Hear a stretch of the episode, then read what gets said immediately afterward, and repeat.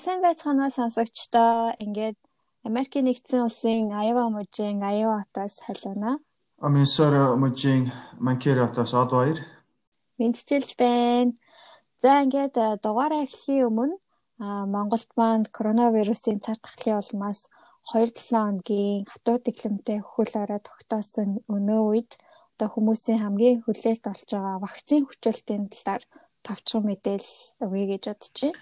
Аа. За сүүлд гарсан мэдээгээр болохоор зөвхөн 7 хоногийн өмнө гарсан мэдээгээр шүү дээ тийм ээ Америкийн хоёр компани шинээр вакцин а гаргахаа бол зарласан байгаа. Нийтг нь болохоор Pfizer гэдэг Америкийн компани, нөгөөх нь болохоор Moderna гэдэг бас Америкийн компани. За энэ хоёр компани туршилтаар тийм ээ вакцин бол ерөөхдөө бол 90%-аас дээш 95%-аас дээш бол амжилттай болно гэсэн юм урьдчилсан прогноз гаргасан байгаа. Гэхдээ бол Америкийн нөгөө Food and Drug Administration гэдэг нөгөө нэг вакциныг яг баталдаг газраас бол ер нь бол 50%-аас дээш байхад бол болно гэж үздэг тийм ээ. Нөгөө Антони Фаучи гэдэг нөгөө нөгөө айгуу том эрдэмтэн байгаа шүү дээ. Тэр чинь болохоор ер нь бол 70-аас дээш байхад бол болно гэдэг өөр бол хэлсэн байсан. Энд энэ мэдээний талаар сонсноо юу гэж бодож байна? Харин тий үнэхээр 94.5 Moderna жишээ нь 90-с дээш хувьтай ийм маш амжилттай вакцины гаргаж авсан. Тэгээд маш богино хугацаанд гэж гаргаж авч байгаа бол үнэхээр аа мундаг байна гэж бодож байна. Ер нь аль компани.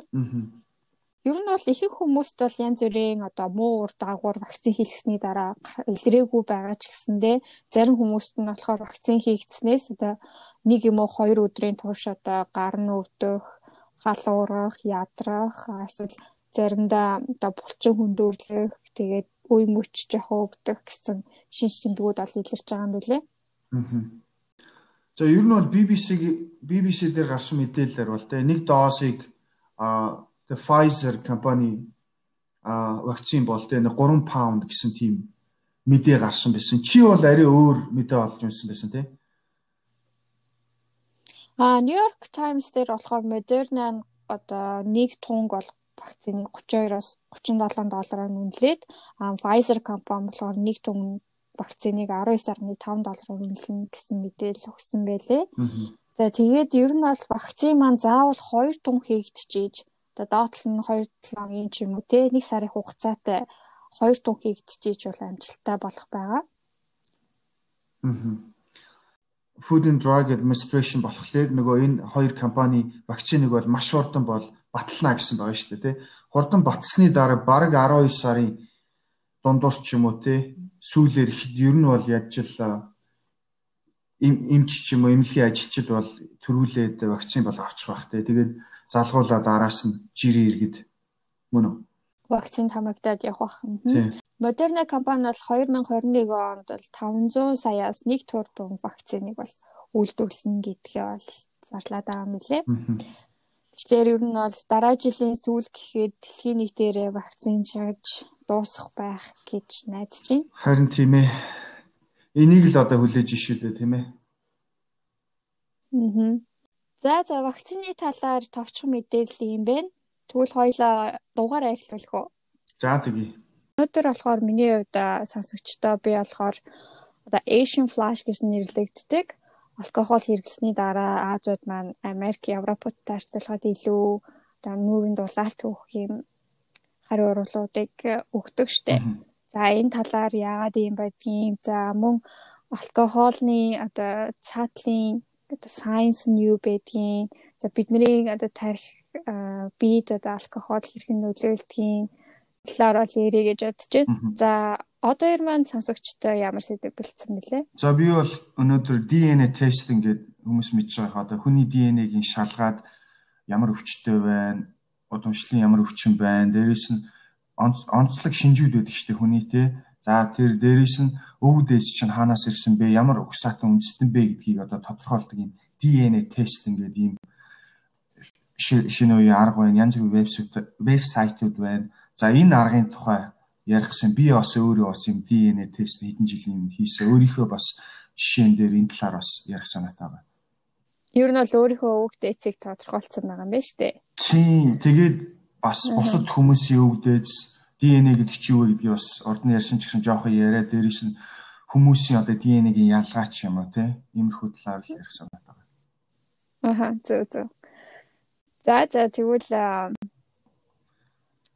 Asian flash гэхлээр манайхан мэдж байгаа хэл та ингээд зарим хүмүүс алкогол хэрэглэсний дараа ийм улаалт өвч нүүр улаадаг тий.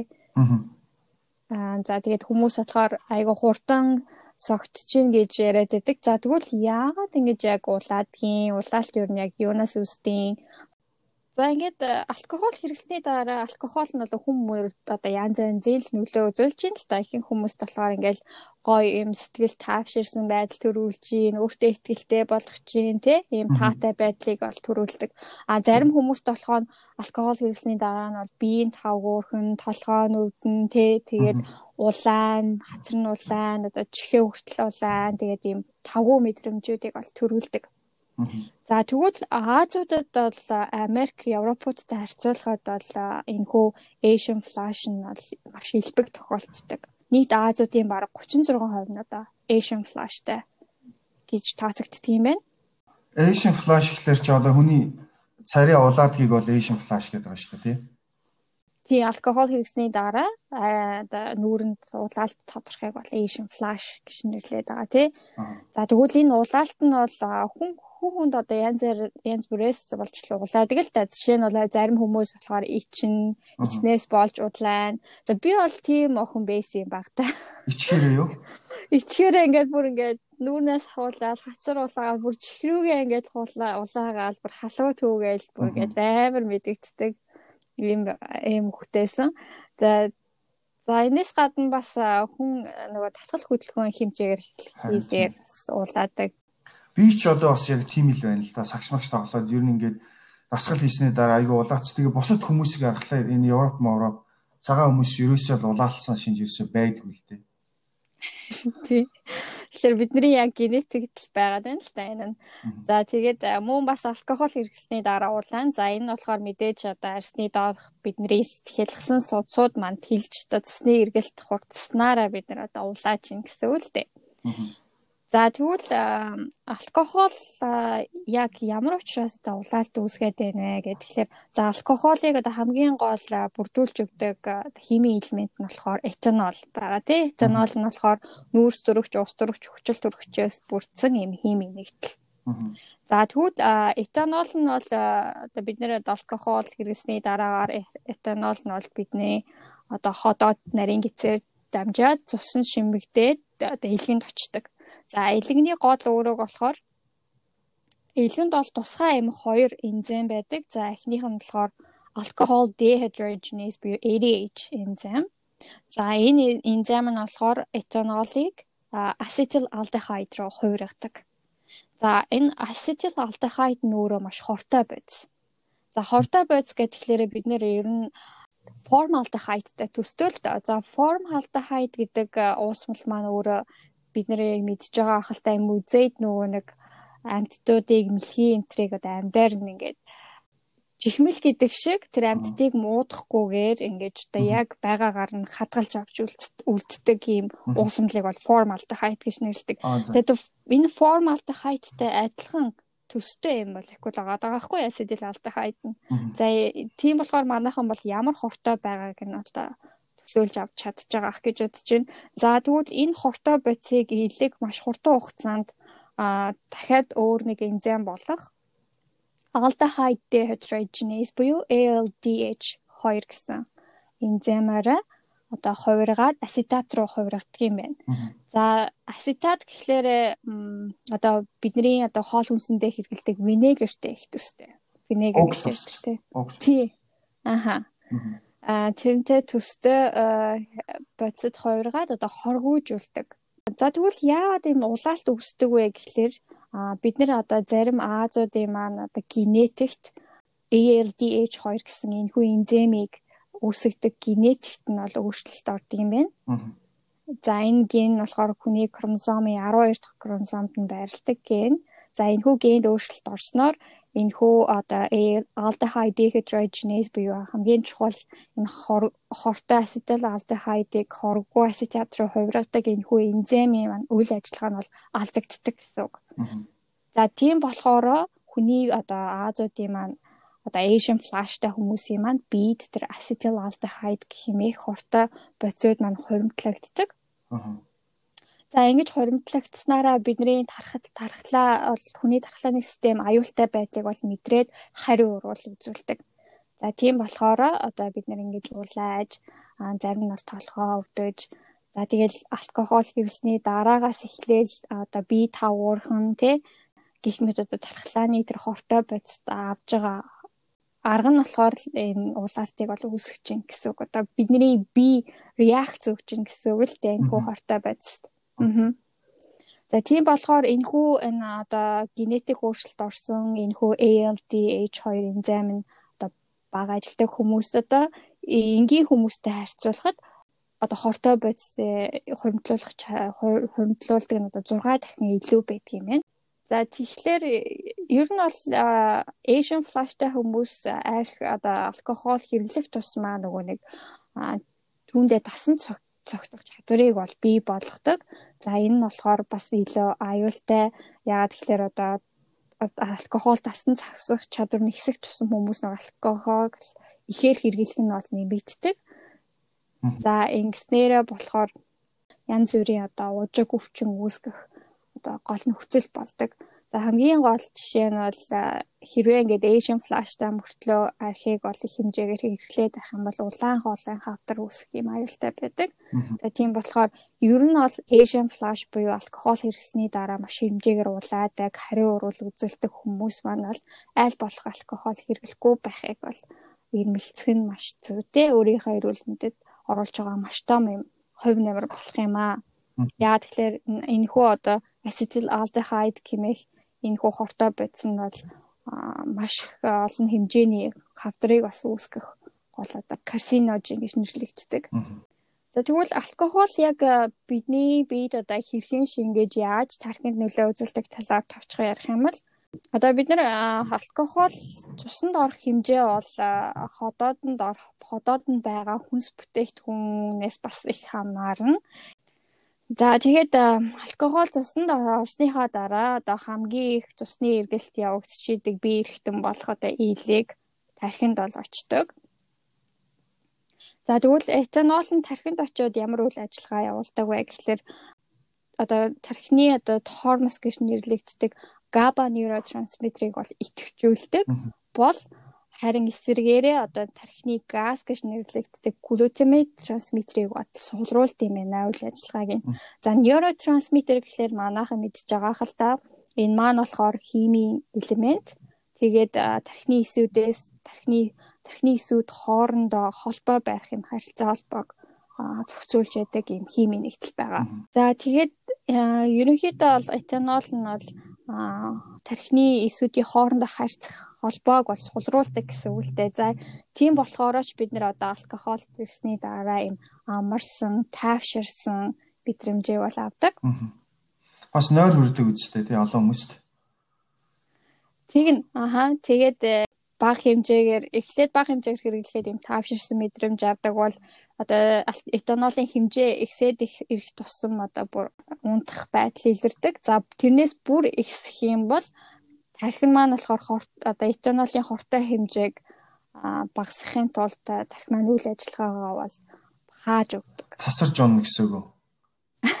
Энийг болохоор манайхан нөгөө кадр тасрах гэж яриад байдаг. Энэ маань болохоор тархины одоо өөрт өөртөөхөө өөрийнхөө одоо үйл ажиллагааг хамгаалж байгаа нэг хэлбэр нь байдаг юм байна.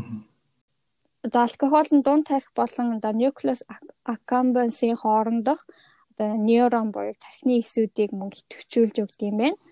За энэ энэ хэсэг нь болохоор одоо тархины энэ хэсэг нь болохоор нөгөө нэг хүний өөртөө ихтэй байдлыг удирддаг ийм хэсэг учраас одоо алкогол хэрэглэсний дараа би хүмүүс бол өөртөө тийм маш ихтэй байдлыг бол олж авдаг.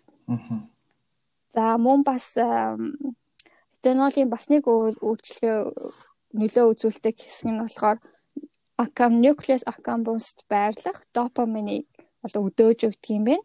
Одоо бусад мансууруулах бодистой адилхан маягаар. За допаминыг бол манайхан мэдж байгаа юм болохоор нөгөө нэг хүний ийм ажаргалтай, тайвширсан ийм байдлыг бол мэдрүүлдэг. Аа химийн нэгдэл байгаа тий. Тэнглэгөө хоо. Аа. Аа за алкогол мөн зарим нейронуудыг нейронуудын эндорфиныг үйлдвэрлэх нөлөөллийг нь бол ихсгдэг. За эндорфин болохоор бидний стресстэй үе тайшруулах юм өөрхтэй нейротрансмиттер буюу химийн нэгдэл байгаа. Алкогол хэрэглэсний дараа одоо хүн хүнд бол өөр өөр нөлөөлдөг тий. Зарим хүмүүст одоо бага хэмжээгээр уусны дараа хангалттай байдаг ч юм уу. Цусан дах алкоголны хэмжээ нь бол хангалттай байдаг ч юм аа. Зарим хүмүүст болохоор одоо хэмжээний алкогол хэрэглэж ийж одоо цуснд алкогол ордог ч юм уу тий. Хүмүүнд бол генетик байдлаас нь хамаарат янз янз байдаг. Эрэгтэй эмэгтэй хүнийг ингээ харьцуулаад үзэхээр эмэгтэй хүмүүс болохоор эрэгтэй хүмүүстэй харьцуулахад илүү өөхөн давхрахыг өөртөө хоримтлуулсан байдаг. За тийм болохоор одоо цусны эргэлт нь бол цусны эргэлтийг бол өөхөн давхрах нь бол баг шаарддаг одоо булчинтай харьцуулахад. А гэтэл эрэгтэй хүмүүст болохоор булчин илүү байршсан байдаг учраас айгүйх цусны эргэлтийг бол маш шаардж идэг. За ийм учраас ижилхэн ижилхэн хэмжээний алкогол эрэгтэй эмэгтэй хоёр хүн хэрэглэлээ гэж бодоход эмэгтэй хүнд нь одоо жисэн дах алкоголны хэмжээ нь бол их байх. Их байдаг эрэгтэй хүнтэй харьцуулахад. Эмэгтэй хүн бол төрүүл цагтна гэсэн үг үү те? Ер нь аль тийм. За тэгээд хүний одоо генетик байдлаас хамаарат нөгөө нэг элэгний хоёр дахь энзим болох ALDH2 нь тий. ALDH2 хоёрын үйлдвэрлэх чадвар нь бол бас хүмүүнд одоо янз янз байдгаас хамаарат алкогол шингээх чадвар нь бас янз янз байдгийм байна. За одоо эндорфин, допамин гэж яриад байгаа шүү дээ. Одоо ажиргалын гормонууд гэж ажиргалын дааврууд Гэт за эдний одоо хүмүүний генетикийн одоо байдлаас хамаарат одоо GABA, endorphin, dopamine ялгарх чадвар нь бол бас өөр өөр байдаг юм байна л та. За тэгээд алкоголыг их хэмжээгээр хэрэглээд ах тусам нөгөө нэг хүний тэр одоо dopamine, endorphin, GABA энтрих нь одоо нөгөө нэг тасан цогцох чадвар нь ихсээд сүлдээ болохоор одоо тасан цогцох э, чадвар тасан цогцох үйл ажиллагаа явагдаад нөгөө нэг тархины тэгээд нөгөө нэг э, одоо дофамин эндорфины хэмжээнд нь өөрчлөлт орж эхэлснээрээ хүмүүс болохоор сүүл рүүгээ нэг хэмжээгээр алкогол уудаг хүмүүс маань хиндээ бол нэг ажиргалыг мэдэрдэг байсан бол сүүлдээ бүр нөгөө нэг трийгээ мэдрэхээ байгаад чир чадвараа алдаад уур хуцаартай стресстэй буюу унтаж чадахгүй ийм тохиолдолд бол ордог юм байна. Нөгөөхөө одоо эндорфиныхаа хэмжээг нэмэгдүүлэхийн тулд бүр илүү ихээр уух хэрэгтэй болох байлгүй дээ тий хүний биеийн биологийн зохицуултын чадвар нь алдагдаад ир чинь гэсэн үг л дээ. Аа. Архичин болж байна гэсэн үг. Ер нь бол тийм. Тэгээд э, за энэ өөрчлөлт нь болохоор хүний биеийн системийг тэр чигт нь өөрчилж, өөрчилж тэгээд уухаар зүгээр, уухгүй байхаар болохоор болохгүй байгаа мэт юм мэдрэмжийг бол төрүүлдэг. Mm -hmm За тэгээд удаан хугацааны юм алкогол хэрэглээ нь бас хүний тухайн хүний одоо тархины эдээс өөрчлөлтөд ороход бол нөлөөлдөг. Тэгээд сэтгэл зүйд нь бас айгүйх ийм өөрчлөлт олж нөлөө үзүүлдэг юм байна. За энэ нь бол бас нэг алкоголын нэг одоо аюултай үр нөлөөний нэг үр дүн гэж бодож байна. Аа тийм болохоор одоо алкогол ер нь бол хүнд бол явандаа бол тийм сайн дүнлээ үзүүлгүй юм байна. Тийм болохоор хэвээ та эшин флаштай бол аль болох алкогол хэрэглэхгүй байхыг ирмэлзээрээ. За тэгээд далааламын хэлсүү гэдэг штэ. Архиан багууж айргаан таавар ууцгаая. Зарим хүмүүст бол айргаач таавар ууж бол болохгүй байгаа штэ. Өнгөрсөн сэдвүүдээр ярьсан шиг тий одоо зүүн хэрэгэлдэг над чиг хүмүүс бол айргч ууж чадахгүй юм байна. Айрг уух юм бол айрг уул өвчин тусаад одоо юу үлээ бөөлжиж мөөлж бүр болохгүй. Айргч болохгүй, айргч болохгүй. Усуу гэж хэлэх юм уу хаашаа. Юу усаа гэх ууж ирүүл байцгаая гэж уриалмаар энэ тэгвэл. За тэр тэр ирүүл батаршгэ.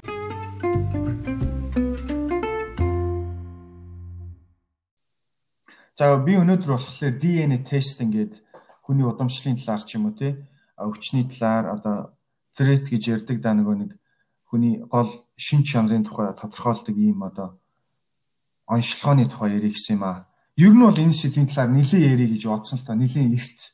Гэхдээ эхлээд одоо ертөнцийн дэлхийн үүсэл за тэгээ ДНХ гэж юу вэ гэдэг өнгөрсөн сэдвээр ярьсан ийм сэдвээр ярьж ич за энэ ДНХ тестинг гэдэг сэдв рүү орох юм бол илүү ойлгомжтой болно гэдэг. Тэгвэл ярих гэж нэлээд хүлээсэн байх нэ одоо юм маань тий. Харин тийм би нөгөө угаасаа түүхийн тухай ч юм уу тий одоо ийм ертөнцийн айгүй тийм сонирхдаг байхгүй. Тэгээд өөрийгөө одоо ийм ямар нөгөө за үндэстэн хүн бэ ч гэхэд хаашаа тий ямар угсаатай хүн бэ гэдгийг мэдж байгаа ч гэсэн одоо ингээд Монгол гэдэг чинь ерөөсөө л ганц хоёрхан мянган жилийн нас настай юм үндэстэн шүү дээ тий. Тэгээд тэрнээс цаашаа чи хэдэн мянган жилийн түүх байна хүний хэдэн 100 мянган жилийн хүний түүх байна хаанаас шиш ямар хүний ууршаад гэдгийг мэдмээр байсан аахгүй. Тэгээд ийм за тэгээд би 23andme гэдэг ийм вебсайт гэдэг бас ancestry.com энэ төр гэдэг ийм вебсайт ийм компаниуд ДНХ-ийн тестийг одоо хүний ДНХ-ийг шалгаж шинжилж тэ олон төрлийн үйлчлэгээ үзүүлдэг. Жишээлбэл ancestry буюу удам дамжиж ирсэн удамшлын одоо хаанаас ирсэн бэ? Өвгдөөс нь ямар гаралтай олсууд айл газраас ирсэн бэ гэдгийг шалган. Дээрээс нь одоо ожиг өвчин энтер гэдээ байдаг шүү дээ. Удам дамжиж ирсэн өвчин гэдэг тэ. Энд чи одоо бүгдээрээ л ДНХ-тэй холбоотой ДНХ-гээр нь дамжиж ирсэн. Яг тэгэхээр ДНХ чи удамшлын мэдээллийг хадгалдаг гэдэг байгаа шүү дээ. За ийм юм өвчнгүүдийг бас шалгаж болж гин энэ энэ ДНХ тестинг гэдэг аргаар Неандертал гэж одоо хамгийн анхны сэдвээр ярьсан бүгдээрээ одоо хувь хүнд хэдэн үеийн Неандертал ДНХ байна вэ гэдгийг ингэж шалгадаг ийм ДНХ тестинг гэж арга байна. Сэдвээ орхоос өмнө нөгөө ДНХ гэж юу вэ гэдгийг дахиад нэг тодруулаа ярьчих тий. Өнгөрсөн эпизод 3 одоо дугаар 6 дээр бол бас баг зэрэг ярьсан байгаа. За товчхон ирэх юм бол ДНХ гэдэг бол молекулын төвшөнд ярих юм бол тийм хос оромог буюу double helix гэдэг байгаа шүү дээ. Ийм хэлбэртэй юм ушгаа зүйлээ за тэгээ хүн амьтан ургамал одоо бүх зүйлийн удамшлын мэдээллийг хадгалдаг. За ДН ийм нэг шатшиг хэлбэртэй тий ингээд шатшиг мөртлөө юм ороогдсон оромгийн хэлбэртэй ийм молекул байдаг тийм ээ. Тэгэлгүй яг шатшиг гэдэг дээр нэмээд хэлэх юм бол За ДНХ-ийн молекулууд дээр нуклеотидс гэдэг байгаа шүү дээ. Тэрийг бол шатчиг гэж хэлж байгаа мөн үү? Аа. Хоорондоо хосол хосолдог тийм ээ. Аа. За тэгээд чихэр, фосфат, найтрожен гэдэг ийм суурьтай. За тэгээд тэр суур гэдэг дээр нь л ярьж байна тийм ээ. Шат гэдэг нь болохоор саяны хэлсэн одоо дөрвөн төрлийн тийм одоо элемент байгаа шүү дээ. Хими элемент, adenine, thymine, guanine, cytosine гэдэг ийм одоо дөрвөн төрлийн суур бейс дээр болоод толгуурлж тэр одоо ATGC ч гэдэг юм энэ энэ одоо за одоо үсэг гэрч дээ энэ одоо суурууд нь жоохон жоохон өөр байхлаар л хувь хүний одоо ДНХ нь өөр өөр болоо явчихд юм байна л да. Аа. За жишээлбэл хүн төрөлтөнд ер нь одоо бий байна уу одоо Африктайгаа одоо боо ярьж байна тий. Бит хоёр бол 99.5% ДНХ нь бол адилхан. За би чи одоо Монгол хүн ч гэдэг юм уу арай илүү ойрхон одоо 99.5-аас илүү 99.6 7 ч юм уу байж магадгүй тийм ээ. Яг л тэгэхээр ойрхон төрлийн хүмүүс учраас за Тэгэд ер нь бол маш 99.5% 5% гэдэг чинь болохоор айгүй өндөр хувьчлал шүү дээ. Бид нар бол би энийг бол нэг үндэстэн ястнаар ялгуурлаад ах шаардлага бол байхгүй. Бид нар чинь 99.5% хоорондоо адилхан шүү дээ. Тийм ээ. Тэгэлгүй яах вэ? Одоо жишээлбэл одоо нөгөө ярьсан шүү дээ. Неандертал гэдэг чинь 97% одоо ДНХ нь хүн болон неандертал адилхан гэж байна. Тэгвэл одоо нөгөө жимсний ялаа гэж байдаг шүү дээ. Жижиг юм ялаа. Fruit fly. Fruit flies тэр бол бараг 60% ДНХ нь адилхан гэж байгаа байхгүй. Аха. Тэгэхээр чи одоо ингээд бүхэл юм ДНХ дээр суурилсан ингээд нөгөө удамшлын тухай дэлхийн үйлчлэлийн талаар өнгөрсөн сэдвүүдээр ярьсан. Тэгээд ДНХ гэдэг чинь хамгийн гол зүйл болоо явчих штэ тийм ээ. Аа. За. За тэгээ түрүү ярьсан nitrogen гэдэг ийм суурьтай байдгаа ДНХ бол за тэгвэл 3 сая ийм одоо ер нь төрлийн ДНХ байдаг. Үүнээс 600 мянга орчим нь ер нь бол өөр байдаг. Минийх бол чинийхтэй. За тэгвэл ийм 600 мянган өөр одоо ДНХ-г нь л судалж одоо чи юм бэ, хаанаас ирсэн бэ, ямар өсний өнгөтэй вэ, нүдний өнгөтэй вэ, өвөг дээд чинь хаана амьдарч исэн ямар хүмүүс вэ гэдгийг ингэж тодорхойлт юм байна. Боростэй юу, цагаан арьстай юу? Оо тэгэлгүй яг уу. Энэ 600 мянган л одоо жижигхэн ДНХ-гийн одоо нуклеотид дээр үнэлж За энэ саяны хэлсэн энэ жижигхэн хэсгийн одоо ДНХ-ийн өөр ялгааг single nucleotide polymorphism гэж нэрлэдэг юм байла. SNP гэдэг NSP гэдэг SNP гэдэг. За тэгвэл энэ SNP-ийн одоо ДНХ-ийн ДНХ-ийнх нь одоо мэдгэцгүй цэцэг нь бол өөр өөр хэсгүүд нь бол өвд эцэс уламжлагдаж ирсэн гэсэн шүү дээ тийм ээ. За тэгвэл за жишээлбэл энэ 23 meet ancestry.com ч гэдэг юм ийм вебсайтууд за вебсайтаа нээхдээ дэлхийн өнцөг бүлэн бүрээс а Монголч гэдэг юм уу одоо Монгол дотор ч олон үндэстэй ястан байгаа шүү дээ. Одоо Баруун аймгийнхан Зөв аймгийнхан ч гэдэг юм те. Тэр болгон хүмүүсээс нь ДНХ-ийнх нь одоо сампл гэж ярьдаг те. ДНХ-ийнх нь одоо тодорхой юм хэсгийг аваад за Монголын Увс аймгийн хүмүүс бол иймэрхүү хэмжээний ДНХ-тэй байна. Африкийн одоо Того улсын ийм нэг овг бол ийм ДНХ-тэй гэдгийг гэж гаргаад бүх дэлхийн хүмүүсийг 45% 45 ширхэг ийм reference population гэдэг байгаа байхгүй. Өөрөөр хэлэх юм бол 45 одоо ялгаатай өөр ийм төрлийн харьцуулах хүн амыг. Аха. Тий. Харьцуулах одоо ийм хүү амыг гаргаад 45 гэж ингэж гаргаад ингээд дэлхийн онцөг бүлэн бүрт ингээд хүмүүсээс нь ДНХ-г нь аваад ингээ гаргацсан тий. За жишээлбэл За би одоо 2 жилийн өмнө ДНХ-ийнхаа юм тестийг бол хийсэн. Яадгүй гэхээр за 100 долларч байна тий төлөөд тэгээд тэгэхээр цаанаас нь одоо юм жижиг юм сав ерэн тэрэнд нь одоо шүлсээ ихээр хийж хагаад тэгээд явуулчихна. За шүлсийг ба нөгөө компани аваад задлаад ДНХ-г нь ялгаж аваад тэгээд төрөний хэлсэн снип гэдэг яг юм тодорхой ялгаатай хэсгийн ДНХ-г нь ялгаж аваад тэгээ нөгөө төрөний ярьсан reference population гэсэн шүү дээ. Тэгээ ялгаж авсан юм тусдаа 45 өөр төрлийн одоо ялгаатай газар газрын хүмүүстэй ааа харьцуулна тийм үү. За тэгвэл жишээлбэл за ийм Азийн хэсэгт бол жишээлбэл те 6 7 төрлийн юм одоо харьцуулах хэсгүүд байна. Жишээлбэл Хятад гэж байна. Хятад буюу Өмнөд Азийн гэж байна. Манж Монгол гэж байна. За Манж Монгол гэдэг бол цогт нь авсан байна. Сибирь гэж байна, Вьетнам, Хятадын дай үндэстэн гээд бас байд юм аа энэ жижиг бүлэг үндэстэн ДНХ нь их өөр. За дээрэс нь ерөөхдөө зүүн Аз, Аз үндэстэн, хойд Аз үндэстэн буюу Америкийн уугуул иргэн гээд ингээд ингээд бүлэгт бол хуваад юм байна. За За жишээлбэл миний одоо ДНХ яаж гарсан бэ гэхээр ерөнхийд нь бол товчоор нэг хувийн нэлээд яг ба тий хэлэхэд бол за энийг бол ancestry composition гэж хэлээд байгаа байхгүй. Одоо миний хідэн өв нь хаанаас гаралтай вэ? Өвөг дээс чи хаанаас ирсэн бэ гэдгийг тодорхойлсон ийм хувилсан зүйлийг бол ancestry composition буюу за ингэж нэрлэж байгаа. За миний хамгийн том хэсэг нь болохоор Манж Монгол гэдэг 40 өвтэй ч юм уу тиймэрхүү гарцсан байгаа байхгүй юу? Чи чи энэ гайх чинь үү? Яагаад Манж Монгол гэсэн юм бол Монгол биш Манж Монгол хоёр яагаад цуг байгаа юм бол? Харин тийм ер нь бол Монголыг бол тусад нь олж үзэх хэрэгтэй байсан л гэж би бодож байна. Тийм үү. Би бол энийг бол зөв гэж үзэж байгаа. Яг тэгэхээр манж гэдэг чинь ер нь бол Монголтай айгүй ойрхон аймаг юм байл шүү дээ. Хилний их ойрхон одоо хил ностцсон л та. Хилний үед ойрхон одоо Хянганы нуруу гэдэг одоо Зөв аймгийн ерөөсө цаахан байдаг те тэнд байсан.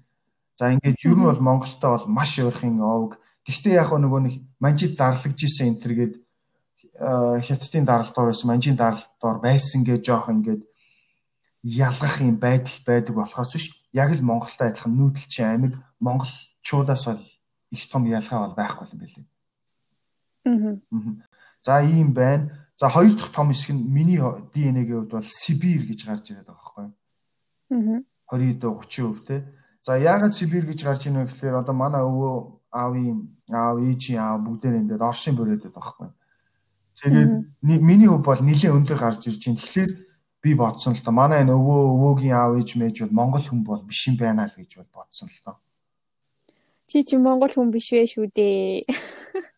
Зарим хуваар бол монгол хүн бол биш юм байлээ. Ер нь их их хувь. Одоо 60-аас илүү нь бол монгол биш байгаа байхгүй жишээлбэл. Харин тийм би бас өөрийнхөө ДНХ-г бас ингэж шинжилүүлмээр л юм байна. Харин тэх хэрэгтэй ер нь яванда те ойрхон боломжтой бол за тэгээ зүв өмнөд Азих гэж байна. Тэрэн дээр бас нэг хэдэн өв.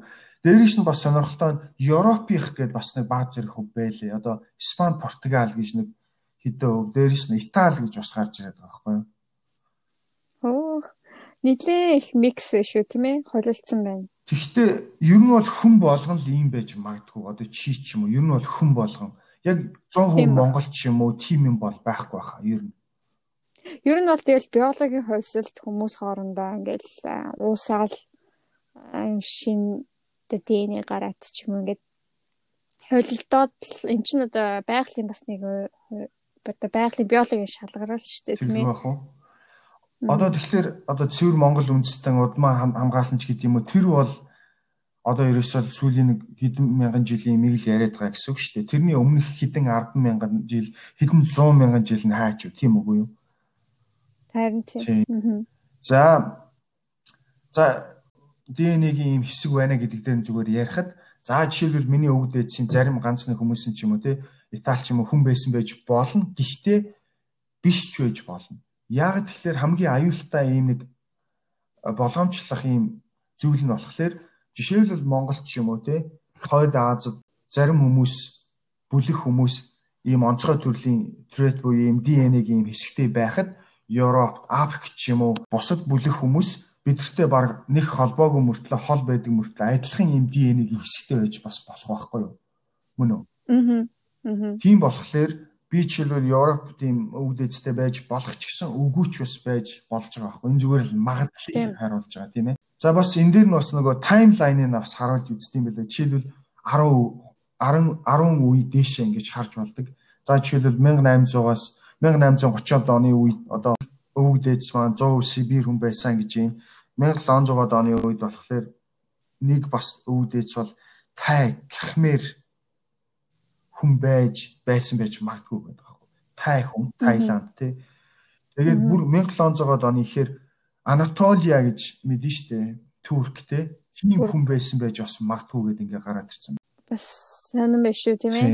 Айл 1700 1800 оны үеийн үгдээцийг харч чадна гэхлээр. Тийм.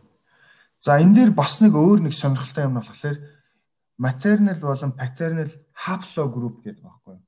Хапло групп аав ээж сонсч ирсэн хапло групп гэж бид нар чинь эцгээсээ эхээсээ ингээд хоромсоо аваад за ингээд 46 хоромсоо бүрдүүлээ явж байгаа шүү дээ тийм ээ. За тэгээд эцэг эхээсээ өвлсөн ийм ген буюу аллилс гэдэг байгаа тийм ээ.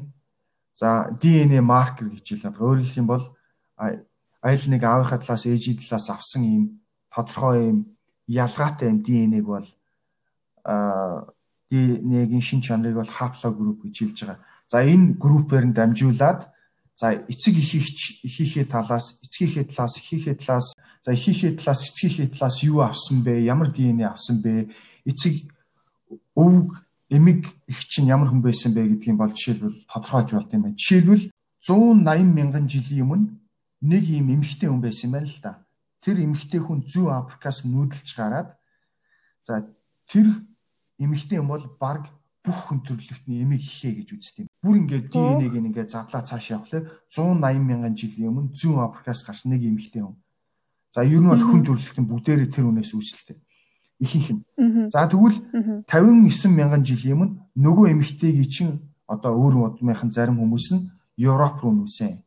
За тэгээд Европоос зарим өрүүд мань Аз руу 40 мянган 43 мянган жилийн өмнө нүүдэлж ирсэн гэж байна. Нөгөө ганц л эмэгтэйгийн талаар яриад байгаа шүү дээ тий.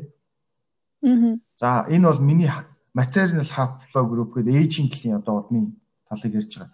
За тэгвэл 11 мянган жилийн өмнө байсан тэр нэг эмэгтэй болохоор F1 A1 гэдэг ийм төрлийн ийм хаплогрупптэй байна л да. Тэр бол миний одоо эмиг хүч хідэн хэдэн мянган дээшээ үеийн одоо ийм хэдэн зуун ч юм уу те дээш дээшээ үеийн эмиг их болж юм л доо.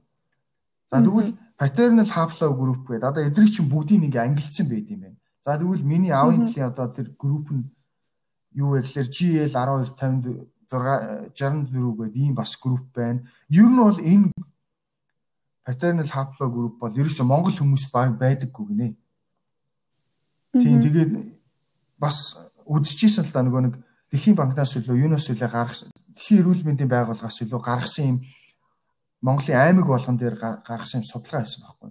Аль нь ямар хафлаа групптэй гэж үзсэн чинь ерөөсөө миний их ерөөсөө байхгүй байсан. За ийм бас эцэг ихийн Hafla group гэж байт юм аа бүр дээшээ хэдэн зуун баг мянган жилиг бол ингэж үзэж болж ш DNA-гээрээ дамжуулаад тийм ээ. Аа. За бас энэ жишээлбэл 23andme ancestry.com энэ гэдэг ийм компаниуд бол DNA-гийн өөр үйлчлэгээндээ бол trait гэж байдаг шүү дээ. Одоо хүний одоо биеийн онцлог хэсэг сэсгийн талаар бас ингэж үзүүлж байна. Жишээлбэл үс чинь одоо 40 гараад унах уу унахгүй юу те? Одоо эрэгтэй бол жишээлбэл халцрах уу? Одоо ядам уруучин одоо сүү бүгчний урагч юу гэдүүлээ тэрнээсээ богинох нь уу? Урт уу? Төрүүнөө нөгөө ярьсан чинь нөгөө арх ухлаар нөөч улаадгүй ч гэдэм үү те? Гих мэти янз бүрийн одоо чихэртэй юм дуртай юу? Одоо гашуун нисэн юм дуртай ээж гэдэм үү? Ийм ийм одоо янз бүрийн ДНХ-ийнх нь ийм зүйлийг бол ялгаад ингээд хилж өгдөг. Би бас өөрийнхөө харсан ч ерөөсө бүгд л таарч хэлээ л те. Нэг сонирхолтой юм нь болохоор бас би ч нөгөө нэг жоох ингээд халууцгаараа гарнаас хөлс гараад байдаг байхгүй юу? Тэр мэрийн нүрт хилцсэн байлээ бүр. Харин тэгвэл өстө нарийн судалгааг хийдэг. Харин айгүй нарийн судалгаа хийдэг.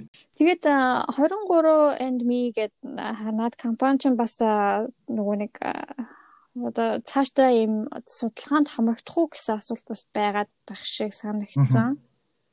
Одоо өөрийнхөө ДНХ-г бусад өөр ямар зүрийн судалгаанд бол оруулах уу гэдэг нэг юм асуулт байх шиг байсан. Чи тэр тал дээр ер нь юу ч хариулсан бэ? Судалгаанд оролцуулсан гэсэн үү? Эсвэл би оролцож байгаа шүү дээ. Survey entry явуулчихдаг байхгүй нөгөө нэг энэ асуултанд хариулна уу? Одоо ямар хоол иддэг вэ? Ямар биеийн хэлбэртэй вэ? Одоо бараг л жим ингийн зарим тэгээ болох уу гэдээ ингээ асуучдаг. Тэгээд одоо хорц зуршил моршил тэр бүгдийг асуун. Дээрээс нь одоо Сибир энэ төр гээд миний юу ч өндөр байна шүү дээ. Жишээлбэл одоо ДНХ-гийн одоо хэсэг нь те энийг чи ашиглаад ингээд нөгөө reference population-д оруулж болох уу энэ төр гээд минийх бол орцсон явж байгаа тийм. За өнөөдрийн сэдв бол нэг иймэрхүүл байна да. Өшөө сонирхолтой асуух юм байна уу? Чи нэг төрүн бас дурдаад өнгөрцөн да те жишээлбэл одоо хүн төрлөخت чи юм адилхан юм байна штэ те. Ерөөсөө л нэг ДНХ-гийн хидхийн одоо өсний өнгө ч юм уу нүдний өнгө биеийн өндөр нам жишээлбэл ДНХ-гийн нэг хитгэн юм жижигхэн ДНХ-гийн дээрээ л ялгаатай байд юм байна. Тэгэхээр одоо бие бинийгээ үзэн ядах ч юм уу өөр мөр хар бороо штэ гэж хэлэх нь зөв буруу юу гэж тийм ээ. Харин тийм штэ. Бид нар чинь бол ялгаагүй л хүн төрөлхтөн байна тийм ээ. Ийм өндөр хувьтай адилхан ДНХ тий би нэг одоо өнгөцөөс арьс одоо гадаад дотоод байдлаар нь гэж ялгуурлах зөвнөхөн зөв үү тийм ээ. За нэлээд сонирхолтой ярилцлага боллоо гэж бодож байна. За энэ хүртэл хамт байсан нийт сонсогчдоо маш их баярлалаа гэж хэлмээр байна. Ингээд дараагийнхаа дугаараар уулзлаа. Түр баяртай сонсогчдоо.